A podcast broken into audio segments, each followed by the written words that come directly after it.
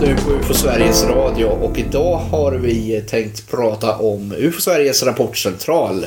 Tobias Lindgren heter jag och med min sida har jag UFO Sveriges rapportcentrals ansvarig Johan Gustafsson. Första frågan, vad är UFO Sveriges rapportcentral? UFO Sveriges rapportcentral ansvarar för att ta emot, administrera och till stor del undersöka de rapporter som kommer in till riksorganisationen UFO Sverige. Hur kommer rapporterna till UFO Sverige?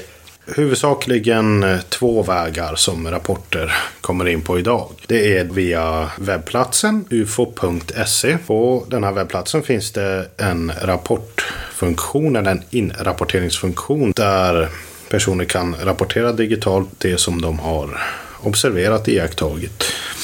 Och där får man fylla i ett litet formulär där man får beskriva vad det var man var med om. Men hur kommer man till det här formuläret? Om man råkar vara ute någonstans och så ser man något konstigt. Varför tar man kontakt med UFO Sverige? Vad är, det som, vad är den naturliga kopplingen där? De allra flesta som rapporterar till UFO Sverige ser någonting konstigt och går därefter in och sätter sig vid sin dator och gör en sökning i förhoppningen om att få en bekräftelse på det de har sett genom att hitta nyhetsinslag och annat om liknande fenomen över det område där de har sett det hela. Om de exempelvis har befunnit sig i Kalmar så kanske de går in och ska googla på UFO i Kalmar.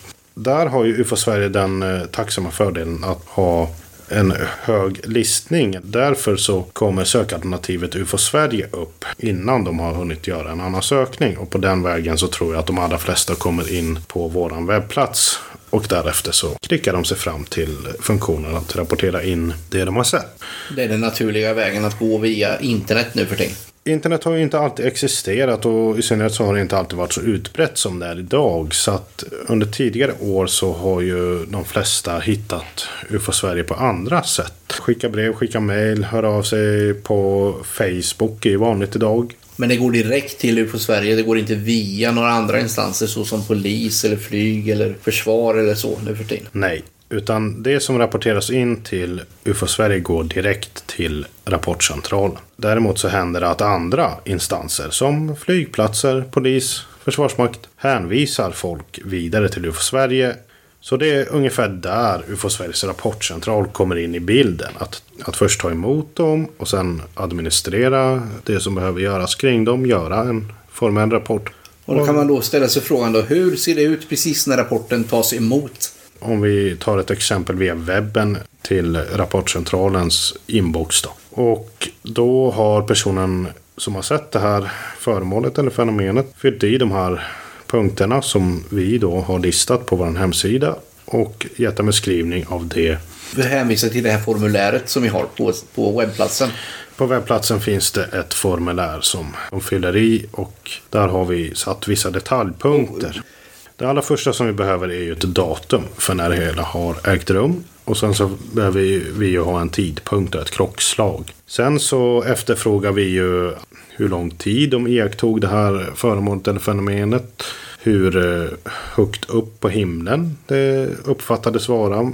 Har en fråga för en punkt som kallas för höjdvinkel. Vi har lite sådana där andra detaljfrågor som vi behöver veta för att kunna undersöka det hela så utförligt som möjligt. Och sen så har vi då en händelsebeskrivning vad det var de var med om. Och därefter så får de fylla i lite kontaktuppgifter. Så att när en rapport kommer in till rapportcentralen via webben så är den ifylld på de här detaljpunkterna med en händelsebeskrivning och vi kan se vart och när det hände. Och det hela börjar då med att den här rapporten omvandlas till ett formellt dokument som sen ges ett rapportnummer enligt den kronologi som vi följer under det aktuella året. Därefter så går det i regel över i att vi tar kontakt med observatör. Är de här formulären som de fyller i, är de, är de lätta att förstå sig på? Blir de ifyllda på ett korrekt sätt eller måste man gå tillbaka till observatören och förklara hur det fungerar och så?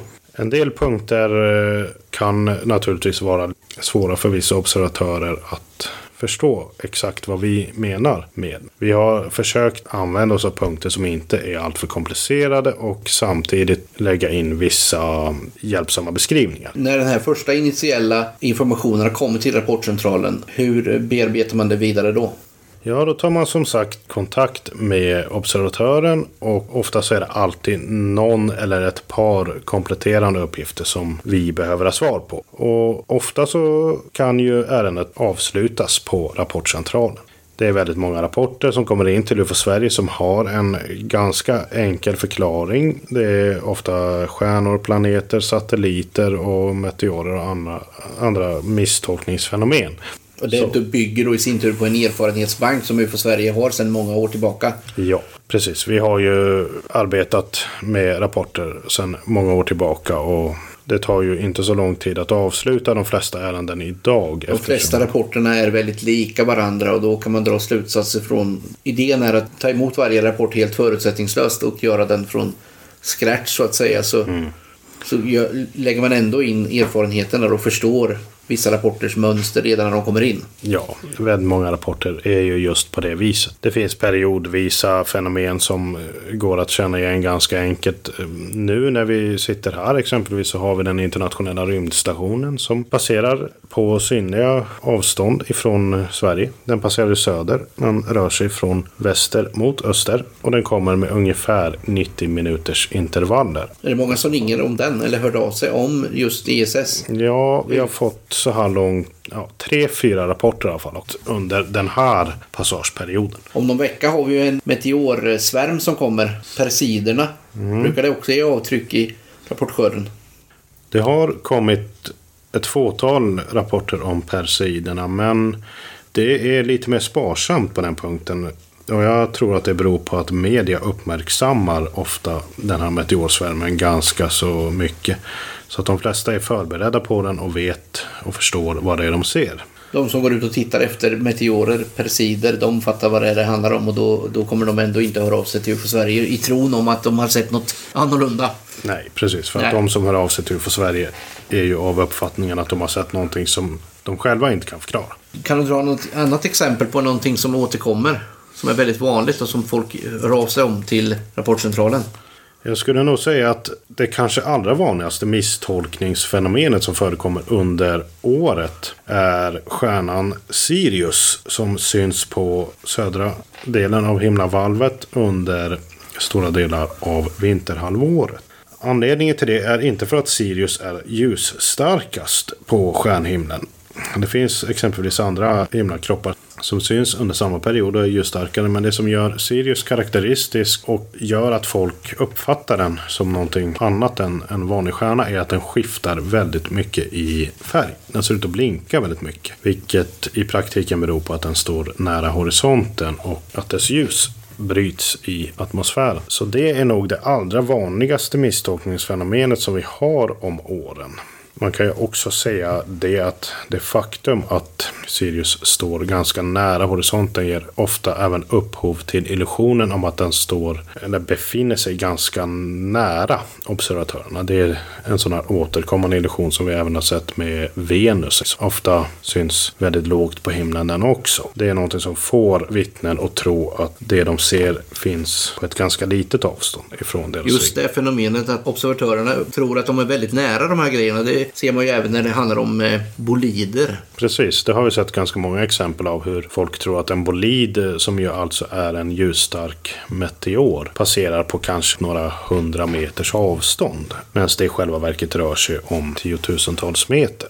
Man förstår här att Rapportcentralen måste ha en väldigt bred eh, kunskapsbank att ta ur, för fenomenen kan ju se ut hur som helst och vara vad som helst. Ja, och UFO Sverige har ju genom åren som har gått samlat på sig väldigt många exempel av de fenomen som kan utspela sig på himlavalvet. Både artificiella fenomen som flygplan och helikoptrar och drönare som är populära idag till vanliga naturfenomen. Alltså astronomiska fenomen som bolider eller meteorer som vi pratar om. Men även meteorologiska fenomen som exempelvis linsmoln. Sen finns det exempelvis bisolar. Himlapelare finns någonting som heter. En väldigt stor bank av misstolkningsfenomen som vi pratar om här alltså. Ja, och det är huvudsakligen det som Rapportcentralens arbete handlar om. Man kan bedöma storleken på rapportskördens misstolkningsfenomen i förhållande till de, de rapporter som inte kanske direkt är så lätt att förstå sig på. Ja, man kan ju säga som så att om vi ser till de senaste åren här så har det kommit in ungefär det är ingen exakt siffra, men ungefär 200 rapporter per år. De allra flesta har ju alltid rört sig om misstag. De senaste åren har vi gått ungefär mellan 80 till 90 procent. Det som vi kallar för IFO, alltså troligt IFO, IFO. Och det är då kort för identifierat flygande objekt. Och det är alltså 80 till 90 procent av de rapporter som vi har fått in har betecknats som IFON och rört sig om misstolkningar. Vi snackar om IFO här så kommer jag att tänka på att vi har en lista med kriterier för hur vi bedömer rapporter. Vi kanske inte har kommit dit än, men eh, vi kommer väl kanske dit. När en rapport har eh, tagits emot, vad händer med, med rapporten då? Hur går arbetet vidare? Om inte en eh, slutbedömning kan göras med en gång, vilket det finns många rapporter som utgör exempel utav, så börjar vi att utreda rapporten. Utredningen går ju till som så att vi försöker utföra vissa kontroller för att se vad som fanns i luftrummet och på, på himlavalvet. I den riktning, vid den tid, över den plats där den här iakttagelsen gjordes. Och det sker då huvudsakligen i syfte att se om det finns någon enkel känd naturlig förklaring på det som har observerats. Men kan du ge något exempel på någon sån här kontroll som du gör som en typ extern vi kan ju ta flygtrafik exempelvis. Det har ju blivit ganska praktiskt för oss som arbetar i den här branschen att kontrollera idag eftersom det finns så kallade live-radarprogram som vem som helst egentligen kan gå in och kontrollera flygtrafiken igenom. Ja, det, den täcker ju väldigt stor del av luftrummet idag, även om den inte är helt heltäckande och 100%. Och då är du inne på, på det här med hjälpmedel som vi har i vårt undersökningsarbete. Kan vi dra några mer exempel på hjälpmedel som vi har som, vi, som underlättar? Eh, vi kan prata exempelvis om ett program som heter Heavens Above som eh, ägnar sig åt att ladda upp astronomiska data. Huvudsakligen så ägnar sig de här åt att pejla satelliter. Så där har vi väldigt stor användning av deras program för att kunna kontrollera vilka satelliter som har gjort synliga passager över ett speciellt område. Under senare år så har vi även haft väldigt stor hjälp av eh, Uppsala universitets så kallade AllSky-kameraprojekt. Och det är då ett projekt som går ut på att försöka täcka så stor del av himlavalvet i Sverige med de här Allsky-kamerorna och det är vidvinkelskameror som för att fånga meteorer på film och bild. De här kamerorna utgör ett ganska unikt instrument för oss som arbetar i den här branschen. Eftersom det tidigare inte har varit möjligt att kontrollera om en meteor eller bolid har passerat synligt över ett visst område med hjälp av de här kamerorna så kan vi ju faktiskt kontrollera om det har funnits en registrering i form av en meteor eller en bolid. Det är ju så att de här kamerorna täcker väldigt stora områden. För några år sedan så såg en av kamerorna som sitter på taket till Ångström laboratoriet i Uppsala en eh, meteor som passerade över Köpenhamn. Nu hör det ju till saken att meteoren passerar väldigt högt upp i atmosfären också. Något mer exempel på, på sådana här hjälpmedel som vi brukar ta till? Ja, utöver de här eh, nyss nämnda så har vi också viss hjälp av aktörer inom Försvarsmakten och vi har haft kontakter med folk inom flygindustrin, inom privata flygskolor, flygklubbar och så vidare som vi har haft goda samarbeten med genom åren. Man får ha ganska god fantasi här när man ska komma på vilken kontakt man ska ta för att hitta någon som kan ha en ingång till någonting. Så är det absolut. I vissa fall så får man eh, konsultera meteorologer, i andra fall astronomer och ibland någonting helt annat som modellflygare eller ornitologer. Så det breda kontaktutbud som man måste ha bör vara ganska stort. För att det är inte möjligt för en ufolog att vara expert inom alla de områden som man blir eh, berörd med. Nej, det är ju ett väldigt arbetet. brett område. Men ja. hur är det? Det är inte Rapportcentralen som gör alla de här undersökningarna? När en undersökning tar vid tid så händer det ju att den delegeras vidare till en av föreningens undersökare som är utplacerade lite här och var i landet. Och det beror då på att det är, att det är positivt med lokal kännedom?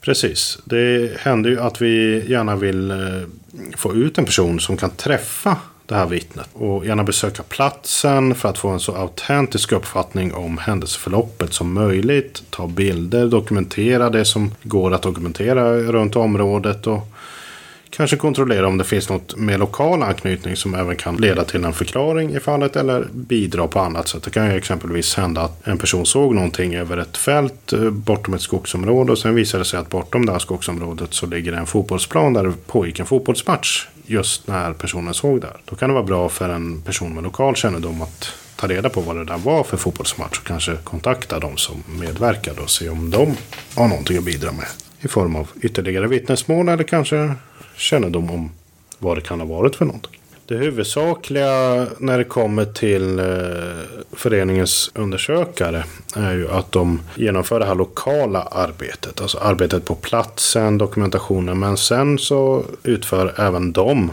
viss undersökande verksamhet i stil med det som Rapportcentralen också gör. Och då talar jag om de här kontrollerna av flygtrafik och astronomi för att få klarhet i vad det kan ha varit för något. Vissa rapporter delegeras från Rapportcentralen ut till fältundersökarna som sköter både undersökning, dokumentation och återkopplar sen till Rapportcentralen med en slutsats om vad det hela var för någonting eller vad de har kommit fram till och så vidare. Och den viktiga frågan för undersökarna då är att UFO Sverige vill ta reda på den bakomliggande orsaken till en rapport. Det är ju det huvudsakliga. Vi försöker ta reda på vad det är folk har sett för någonting. Och då går det främst ut på att försöka hitta en förklaring i form av kända fenomen av olika slag. Och i väldigt många fall visar det sig också att det rör sig om någonting vardagligt. Om det då visar sig att det inte är vardagligt, vad händer då? Hur går man vidare i, det, i ett sånt fall? Då gäller det ju framförallt att se över rapporten och se så att man verkligen har tömt ut alla tänkbara möjliga förklaringar. Och att gå igenom det hela kanske en gång extra för att se så att man inte har missat någonting. Om det sen är så att utredningen inte har gett klarhet i vad det är personen har sett. Det har alltså inte gått att hitta någon förklaring. Nej, du tänker att när de här utredarna har kommit så långt så att de kan inte komma längre när de vill återkoppla till rapportcentralen om rapporten då är olöst, då har vi vissa andra åtgärder som vi tar till. Vi har exempelvis en bedömningsgrupp av eh, undersökare som inte då har deltagit i själva undersökningen i sig, utan som får kika igenom det aktuella materialet, alltså rapporten och undersökningen och eventuella synpunkter från rapportcentral och fältundersökare. De eh, ger sen återkoppling på det hela och göra, göra en liten granskning av arbete och, och, observation. För att se om, om det finns en trolig förklaring som rapportcentralen och undersökaren kanske har missat eller om det finns åtgärder som borde vidtas som hittills inte har kommit i fråga. Sen är det ju samtidigt så också att eh, från början av den här processen så genomförs arbetet också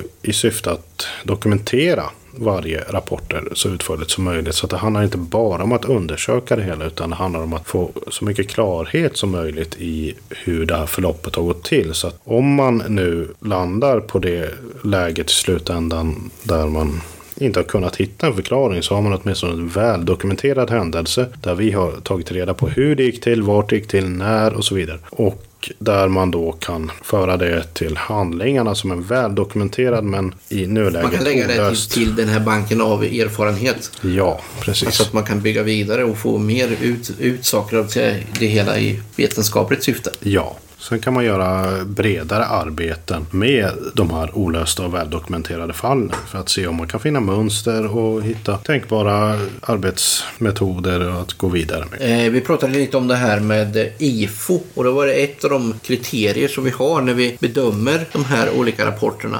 Skulle du vilja berätta om det lite om den här listan med de olika kriterierna? Lite hur, hur de fungerar och så.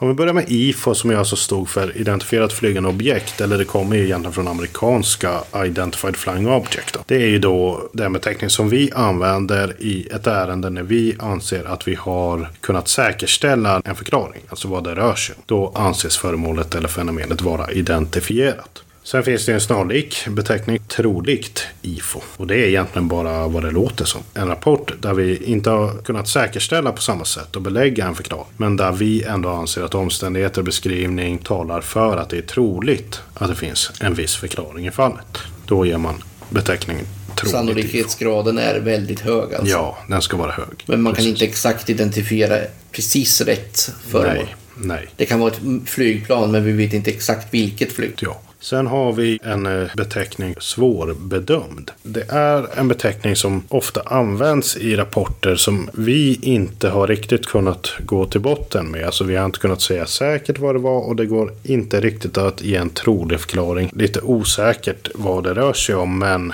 Samtidigt så finns det flera frågetecken. Det kan exempelvis vara att det finns lite tveksamheter kring tiden. Det finns en möjlig förklaring som inte har gått att kontrollera närmare och därför så har det varit svårt att se huruvida det skulle passa in i beskrivningen. Men det går inte heller att avfärda. Vad är det då som skiljer svårbedömd mot nästa kriterium då som är ej bedömbar? Svårbedömd, som var det jag påpekar nu, är ju alltså den beteckning som vi använder efter att en rapport ändå är undersökt och dokumenterad men där vi inte har riktigt kunnat komma till botten med det hela. Ej bedömbar, en eh, beteckning som vi använder när det är väldigt svårt att gå vidare med fallet. Och det beror ju då i regel på att det saknas kanske ett datum eller i vissa fall till och med ett årtal. Det kan vara att vi får in en rapport som utspelar sig mellan 81 och 85 någon gång. Det händer. Och då har vi av praktiska skäl ingen möjlighet att göra några undersökningar av vad det kan ha varit för någonting. Det kan vara vittnen som hör av sig men sen inte är samarbetsvilliga. Och står vi då där med en rapport som vi behöver en massa kompletterande uppgifter kring så går det inte att undersöka den vidare och dra några slutsatser om vi har ett icke samarbetsvilligt vittne. Så det är sådana faktorer som kan bidra till att en rapport klassas Men det händer ändå att icke samarbetsvilliga vittnen hör av sig till UFO Sverige för att få rapportera någonting. Då kan man undra varför de rapporterar den om de inte är samarbetsvilliga. Ja, det är en intressant fråga och jag har väl inget absolut svar på det. Utan det, det man kan tänka sig är väl att vittnen bara vill ge ett bidrag på något vis. Att de Man... hör av sig till oss för att vi ska registrera det för att de vill att det ska bokföras på något sätt. Ja, ungefär. Men de vill inte fortsätta, de behöver ingen förklaring eller de Nej. är inte intresserade av att gå vidare med hela men de vill ändå Nej. prata av sig lite. Ja, ungefär så kan man tänka sig att det är i vissa fall och att vissa känner att det här borde jag göra någonting med och så skickar de in det till oss och så tänker de att nu har jag i alla fall gjort någonting med den. Nu är jag inte intresserad av att göra mer. Så att de... Men de har egentligen ingen aning om vad UFO Sverige gör då? Nej, i sådana fall så finns det åtminstone en risk för att de inte har förstått. Eller så vet de vad UFO Sverige gör men de bryr sig inte så mycket om att tänka på våra intressen och syften. Utan de, de känner mest att de vill rapportera för sin egen skull. Men då kan man också ta upp den här kategorin av rapportörer som redan vet svaret. Som ändå hör av sig till UFO Sverige. Hur hanterar vi det? Det där med att veta svaret är ju någonting som vi får ganska återkommande exempel på. Och veta svaret kan man kanske snarare beskriva som att veta vad det är man inte har sett för något. Och det har ju både du och jag ganska god erfarenhet av på Rapportcentralen. Du var ju själv ansvarig för Rapportcentralen under närmare tio år. Va? Ja, det är många personer som verkligen vet vad de inte har sett. Ja, så de vet inte vad de har sett men de vet vad det inte är för någonting. Det, det blir lite sådär motsägelsefullt resonemang känner ju vi i vissa fall. Och det kan då lyda som att eh, jag såg någonting som jag inte förstod vad det var men det var inte ett flygplan och det var inte en satellit och det var inte en meteor och det var inte en ballong och så vidare. Vi har ju trots allt ganska många exempel på sådana rapporter där vi har funnit ganska starka belägg för att det de har sett är just någon av de här sakerna som de säger att det inte var som de såg. Jag tror att det handlar om att folk har väldigt lätt att bilda sig en uppfattning om vardagliga fenomen av olika slag. Ser man ett föremål som man inte känner igen som ett flygplan så tänker folk förmodligen ganska ofta att då kan det inte vara ett flygplan för sådana ser man ju varje dag. Och de är lätta att känna igen. Men det vet ju vi sedan ganska många år tillbaka att de är inte alltid så lätta att känna igen. Har man jobbat på Rapportcentralen så vet man att alla kan se fel på, på precis allt möjligt. Ja, precis. Det kan vara hur konstigt som helst. Men jag, jag tror att det, det handlar om just folks förmåga att bilda sig en snabb uppfattning om vad de själva vet om saker och ting i luftrummet. Folk tror att flygplan alltid ser ut på ett visst sätt fast att de inte gör det. Även och det är med... ofta så också att det är viss typ av yrkeskategorier som, som fastnar i någon stereotyp där att jag jobbar mest inom det här och därför kan jag, då förstår jag det och då är det så. Då kan inte du säga något annat. Utan Rapportcentralen får ju verkligen inte fastna på att personer har en viss yrke. Nej, utan det, det gör ju vilket som, mer eller mindre alla inom alla yrkeskategorier kan ju uppfatta saker och ting felaktigt. Och det finns ingen som vet precis hur allting ser ut ur precis alla lägen. Det gör ju inte vi heller. Men vi har en viss metodik för att jobba oss fram till svar. Ja, lite Det- så kan man säga. Det finns ju exempel på där folk anser sig kunna avgöra vissa saker som vi som människor överhuvudtaget inte är kapabla att avgöra. Det här med avstånd exempelvis. Går det att avgöra ett avstånd till ett föremål som iakttas mot en klarblå himmel eller en Utan referenser tänker du på. utan några som helst bakomliggande eller framförliggande referenser. En praktisk omöjlighet skulle jag vilja säga så länge inte föremålet befinner sig i personens absoluta referensområde och då ska det vara så nära att personen mer eller mindre kan nå åtminstone träffa det med en sten om han kastar den en liten bit upp i luften. Annars så är ju helt enkelt inte våra sinnen skapta för att göra ett sånt konstaterande. Vi har ju ingen registreringsutrustning som skickar ut en signal som studsar mot ett föremål och kommer tillbaka och säger vilket avstånd den är på. Utan våra ögon ser ett föremål mot en himmel som bakgrund och kan då helt enkelt inte avgöra hur långt bort föremålet är. Det finns ingenting framför, ingenting bakom. Har man sådana då kan man avgöra ett maxavstånd eller ett minimiavstånd. Men det går inte att säga någonting mer. Och just det är det en hel del personer som inte förstår. Och jag har sett exempel på folk som anser sig kunna bedöma ett avstånd med motiveringen att de har hoppat fallskärm. Har ju jag lite svårt att förstå i de lägena då. Jag kan inte riktigt se hur det skulle bidra till. Okej att man vet hur långt ner det är till marken när man hoppar fallskärm. Men då vet man ju vilken höjd man är på. Ja, då har man en höjdmätare. Men det kommer man även in på det där med boliden där. Att det ser ut som att den landar bakom husets grannen. Ja. Fast den egentligen är på 80 till 100 km höjd. Nu kommer vi ifrån den här listan med kriterier här lite. Men vilket är det nästa kriteriet? Vi var inne på IFO, troligt IFO, svårbedömd och ej bedömbar. Sen har vi ju två kriterier som används väldigt lite. Bluff, skämt, avsiktlig bluff. Så. Under mina tio år som, som rapportcentralens ansvarig så kanske jag eh, fick in en handfull med bluffar. Och det är extremt ovanligt. Och En sak som man kan nämna i förbifarten är ju att de här bluffarna kommer nästan bara från yngre män. Ja, det håller jag med om. Jag har fått in eh, två stycken någorlunda seriösa bluffförsök under de år jag har varit på rapportcentralen. Ja, de jag fick var in underbyggda. De hade inte jobbat på dem så hårt kan man Nej. säga. Och det, det var var- lite bilder och så. Någon hade photoshoppat någonting och så vidare. Ja, och det är väl samma sak med, med eh, de som jag har fått in. Du var ju själv inblandad i att avslöja en av dem. Kanske du kommer ihåg en V-formation av ljuskällor? Ja, ja. Och det var ju då en person som hade fotograferat en ljusstake som sen hade redigerats lite. En annan av de här bilderna var den som skickade in rapporten till oss överhuvudtaget inte ens medveten om. Utan det var någon annan som hade spelat honom ett spratt. Och lagt in en sån här app där personens egna bilder manipulerades med att ett sånt här rymdskepp som man kan se i filmen Independence Day uppenbarade sig i bakgrunden av bilden. Och han var ju naturligtvis förbryllad när han såg det men sen visade det sig då att det var en, en bildmanipulation genomförd av någon annan eller ett program. Så bluffar är inte något som upptar vår vardag speciellt ofta. Nej, de besväras vi inte särskilt mycket av. De är extremt sällsynta. Och sen är det då den som kallas för psykologisk förklaring. Vilken då syftar till eh, rapporter som har en lite mer ingående psykologisk förklaring. Och vi kan då prata exempelvis schizofreni eller psykoser eller sådana saker. Va, som mer eller mindre genererar hallucinatoriska upplevelser. Sjukdomstillstånd Det kan man säga ungefär. Ja. Och även de är väldigt ovanliga. kan man innefatta sig inre upplevelse. Ja, precis. En inre upplevelse som personen kanske har upplevt som ett externt yttre fenomen som en, men som i själva verket bara har utspelat sig i personens subjektiva medvetande. Det är ju de uppklarningskriterier som vi har, då, eller uppklarningsbeteckningar av olika slag. Sen finns det då den avslutande beteckningen och det är ju då naturligtvis UFO-beteckningen. Och den kräver väl då en, viss förklaring här.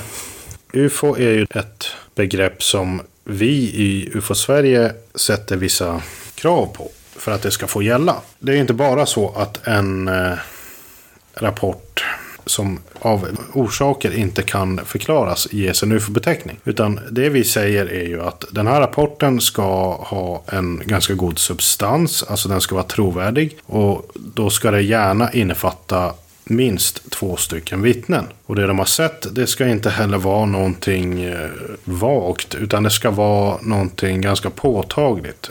Gärna något formbeskrivet, en tredimensionell form som har gått att uppfatta. Det ska inte bara vara en ljusprick på till synes ganska stort avstånd. Utan det ska vara någonting på förhållandevis nära håll så som de har uppfattat det och gärna formbeskrivet. De ska kunna se det här under en lite längre tid och det ska gärna ha skett i dagsljus. Och sen så ska ju då datum och tid vara kända så att det går att undersöka rapporten närmare.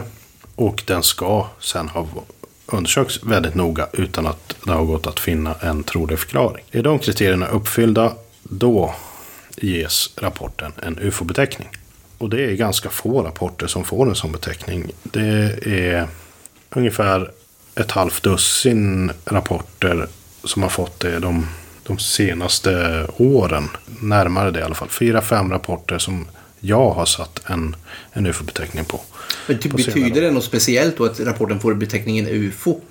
Ja, man kan väl säga att det betyder att den är, den är mer svårförklarlig än de flesta andra rapporter. Vi har ansett att den har varit lite svårare att förklara och att den har haft en högre trovärdighet och märklighetsgrad än, än andra rapporter under... Men vi vill fortfarande poängtera att det är, det är oidentifierat. Ja, precis. UFO står ju för Unidentified Flying Object och det är bara det det betyder. När vi sätter en UFO-beteckning då menar vi ju egentligen bara att det här har vi tagit emot. Det är en ganska påtaglig observation. Den har ganska hög trovärdighet eftersom det är bra vittnen och det är flera vittnen. Och vi har försökt gå till botten med det så gott vi kan men vi har inte lyckats så att det är men oidentifierat. då skulle man kunna säga att den här UFO-beteckningen är en tillfällig beteckning. Ja. För vi kanske bara lägger den i hyllan för att vänta in framtiden när vi kan fortsätta att undersöka den. Absolut. Så det, det betyder inte att så fort den får en UFO-beteckning att den är färdig, att vi lägger den, att vi vill bli av med den. Nej, en UFO-beteckning är ju i mångt och mycket ett, missly- ett misslyckande från UFO Sveriges sida. För att då har vi misslyckats med att finna en förklaring. Sen så är det ju samtidigt så att en UFO-beteckning, en rapport som får en UFO-beteckning kan bidra till ett större, bredare fenomen.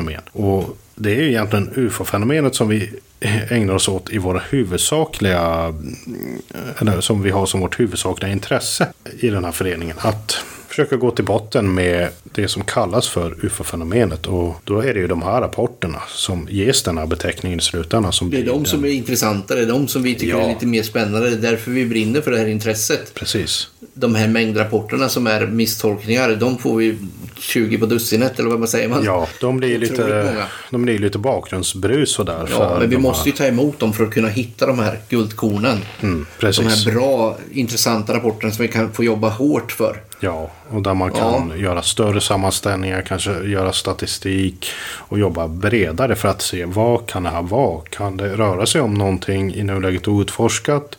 Någonting som vi inte är bekanta med? Eller finns det förklaringar inom ramen för dagens kunskap men som vi bara inte har kunnat finna? Är det kombinationer av de här olika möjligheterna och så vidare? Va? Det, det är där det blir en, en större Och de här rapporterna med hög märklighetsgrad som eventuellt kan få UFO-beteckningen. De... Nu tappar tråden lite. Nej, fortsätt.